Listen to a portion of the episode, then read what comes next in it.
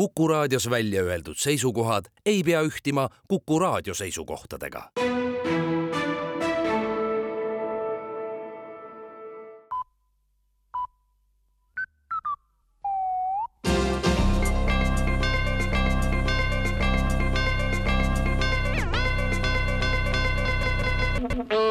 tere kuulama uudiseid stuudios Rohke Debelak EKRE fraktsioon annab teada, et sõidab jõuludeks ja aastavahetuseks peredega Donbassi puhkama. fraktsioon jagab levinud seisukohta, et tegelikult on Ukrainas asjad päris heas korras ja mingisugust abiriiki enam laiemalt Euroopa ja seda enam kitsamalt Eesti maksumaksjalt ei vaja. praegune olukord on just see, mida ühele rahvale soovida ja seepärast pole erakond ka Riigikogus juba mõnda aega hääletanud ühegi Ukrainat toetava eelnõu poolt. Lihtsalt puudub vajadus, lisatakse teates, ja seda, et olukord on tegelikult väga mõnus, minnaksegi Ukraina Tallinnasse tõestama. kui on eriti hubane, võidakse jääda ka pikemalt.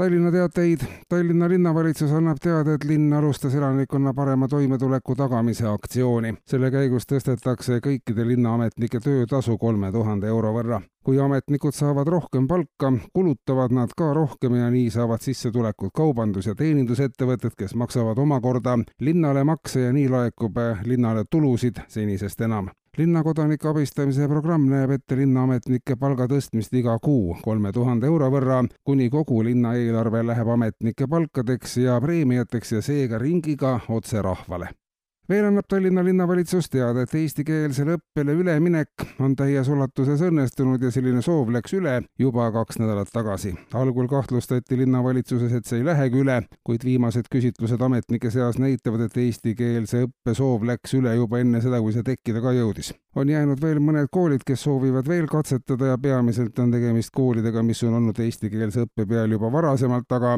linnavalitsuse töö on suunatud sellele, et üleminek oleks ka neis õppeasutustes veatu.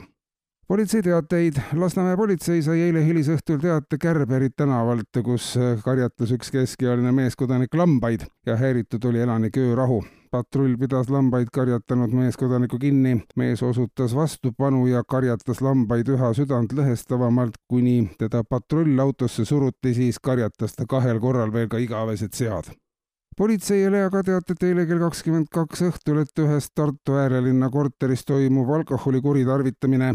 Politsei sõitis sündmuspaigale ja avastas, et alkoholi kuritarvitamine oli täies hoos, ruumis valitses pinev õhkkond. politseipatrull esitas ühe tantsu, kaks luistilist laulupala, rääkis mõned anekdoodid ja alkoholi kuritarvitamine lõppes ning edasi tarvitati seda juba väga lõbusalt. kuulsite uudiseid